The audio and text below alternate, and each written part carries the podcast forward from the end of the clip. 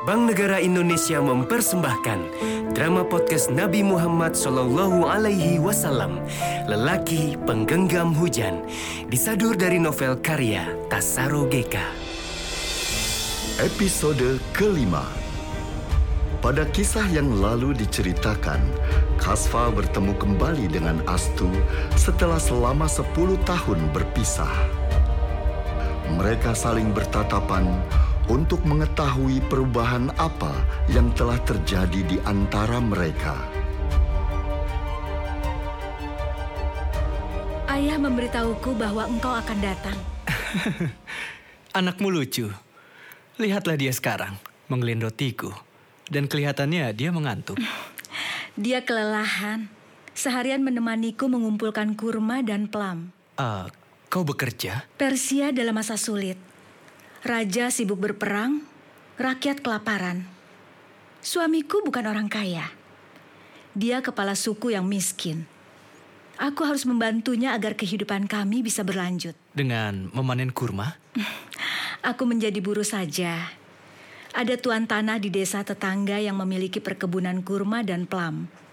Dan dua keranjang buah ini, upahku selama dua pekan bekerja di sana. Kasfa terdiam setelah sejenak menatap wajah Astu. Dulu, Astu ibarat porselen kaisar Cina. Indah ditatap, tak ternilai harganya. Tetapi begitu mudah pecah bila dijamah.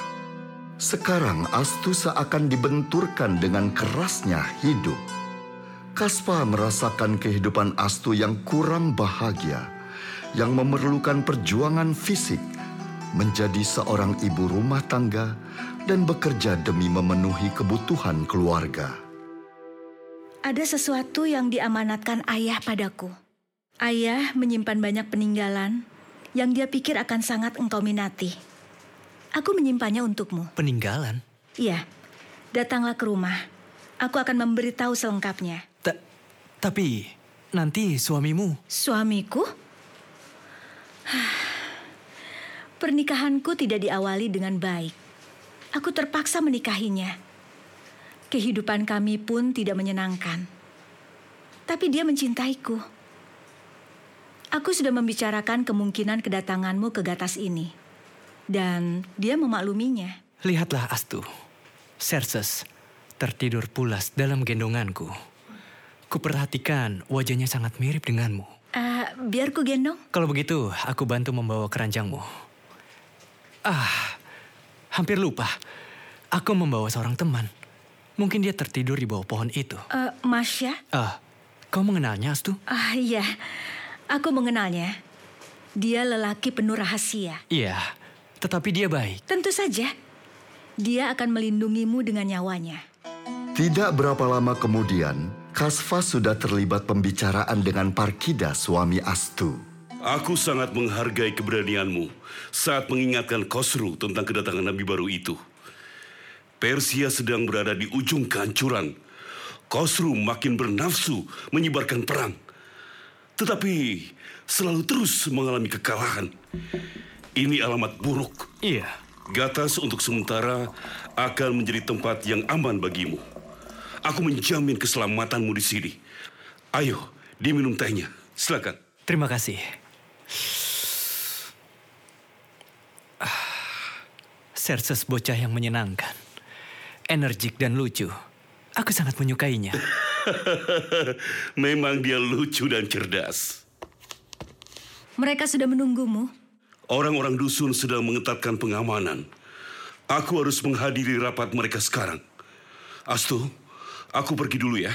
Oh ya, Tuan Kaswa, aku sudah menyiapkan rumah untuk tempat tinggalmu selama di sini. Di pinggir dusun. Masya sudah lebih dulu ke sana. Nah, aku pamit dulu ya. Baiklah. Terima kasih, Parkida.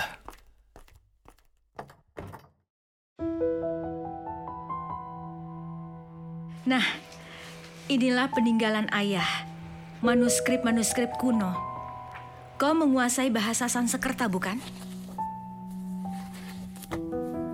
Di tanganmu itu salinan Kuntapsuk, bagian dari bab ke-20 Atarva Weda. Kitab penting di antara kitab Weda. Brahma Weda. kitab pengetahuan ketuhanan. Kuntapsuk setiap tahun dilantunkan dalam acara agung. Saat ibadah dilakukan dan kurban dipersembahkan. Dari mana kau mendapatkan salinan yang tidak ternilai ini, Astu? Ayah mengumpulkannya sejak puluhan tahun yang lalu.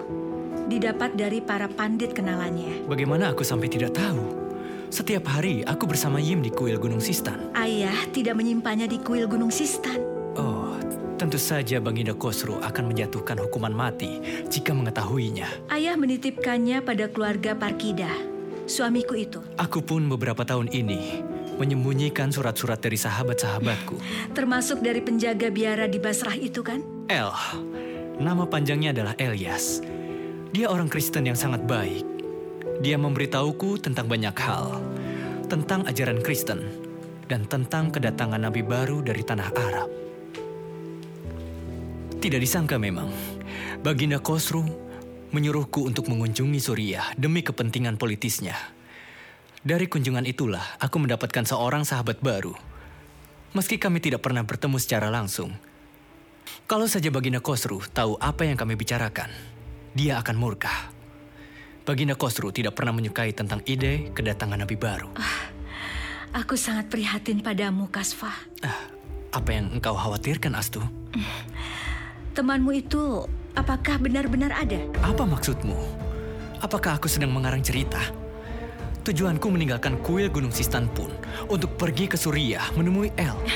Atau justru masuk ke penjara bawah tanah Kosru? Sadarkah kau, Kasfa? Namamu sudah disebarkan ke seluruh penjuru negeri sebagai buronan nomor satu.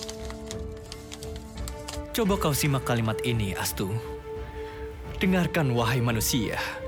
Pujian agung akan dilantunkan. Wahai kau Rama, kita telah terima dari para Rus Hamas 60.090. Apa kau memahami makna ayat ini, Astu? Tidak. Aku menyimpannya saja. Ayah mengatakan padaku sebagian besar ayat kuntapsuk. Meramalkan akan kedatangan nabi baru. Nabi umat manusia di seluruh dunia. Dengarkan keterangan berikutnya dari ayat ini. Dia memberikan pada Mama Rishi 100 koin emas, 10 rangkaian bunga, 300 kuda tunggangan, dan 10 ribu ekor sapi. Ada satu kata yang aku sedikit tahu maknanya. Oh ya, kata apa? Coba engkau buka halaman ketiga ayat terakhir. Kau terus berperang dengan berani menghancurkan benteng-benteng dengan... Dengan keberanianmu, bersama sahabatmu yang memuja Tuhan, telah menghancurkan dari jauh Namyuchi yang licik dan pengkhianat. Kau menghafalnya di luar kepala, Astu. Belasan tahun aku hidup bersama lembaran-lembaran itu. Bukan hal yang luar biasa bila aku menghafalnya. Kata apa yang kau tahu maknanya? Namyuchi. Kata itu dalam bahasa Panini bermakna orang yang berusaha menggenggam hujan. Sedangkan dalam Rigveda, Namyuchi berarti roh jahat yang menahan awan pembawa hujan turun ke bumi. Jadi kupikir, kata kuncinya adalah hujan. Dalam Rigveda, dikisahkan Dewa Indra menghancurkan roh jahat itu, Namyuchi, dan melepas awan-awan yang membawa hujan. Jadi makna hujan adalah... Wahyu Tuhan. Hampir semua bangsa meyakini bahwa hujan wahyu dari Tuhan. Siapa pun nabi yang dibangkitkan, dia akan menghancurkan Namyuchi. Dialah lelaki penggenggam hujan sejati. Jika Namyuchi adalah bangsa yang berusaha menggenggam hujan dan ditakdirkan gagal, berarti ada seseorang yang berhak menggenggam hujan, memberikan kesegaran kepada seluruh umat manusia. Analisamu benar, Astur. Dialah lelaki penggenggam hujan sejati, nabi yang dijanjikan. Amboy, siapakah gerangan engkau, wahai lelaki penggenggam hujan? Kasfa membatin, apa pun alasan takdir yang membawanya ke Gatas, itu membantunya menemukan hal-hal menarik dan menantang kecerdasan. Sudah beberapa hari ini, Kasfa dan Masya menempati rumah tinggal di tepi dusun yang diberikan oleh Parkida suami Astu. Kasfa terkejut dari lamunannya ketika Masya mendatanginya. Tuan Kasfa, Hah, Ada apa, Masya? Ikut aku. Hah, aku sedang malas. Ini penting, Tuan Kasva. Coba berlakulah seperti manusia beradab, Masya. Coba duduk dan bicara baik-baik. Kau tahu, aku bosan bicara denganmu selalu ngotot.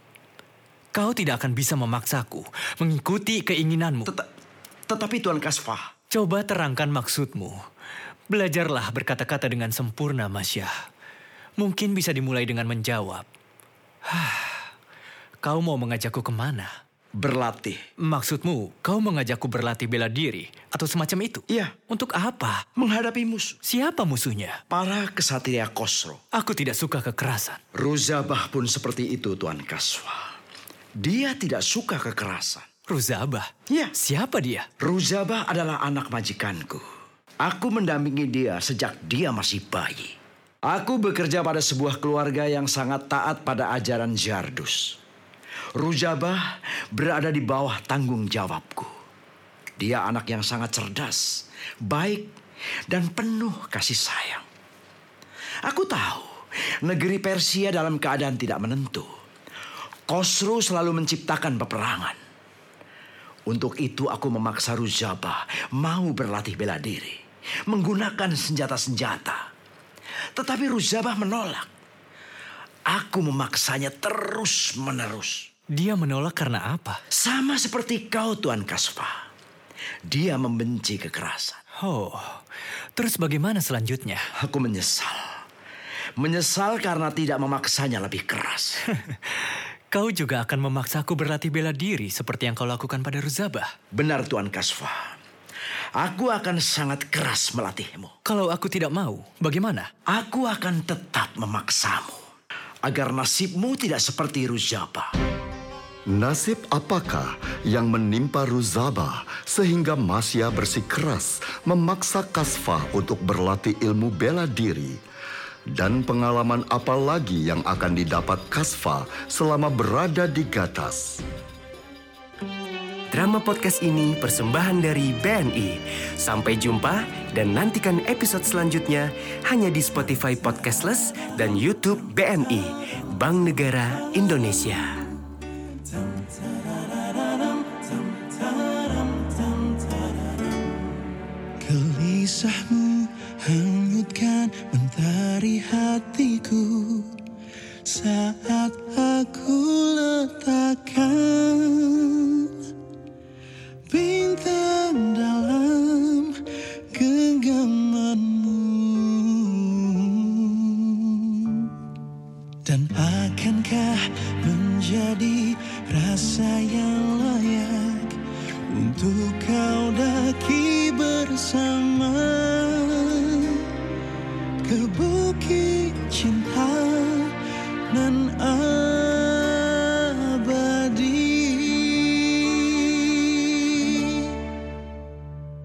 Akan ku bentangkan engkau sayap seluas samudera Akan ku pindai sang surga. Dalam nyanyian bintang hanya untuk menjadi Setitik rindu di hatimu. Dan mungkinkah menjadi asa yang nyata Untuk kau genggam bersama. Ke dalam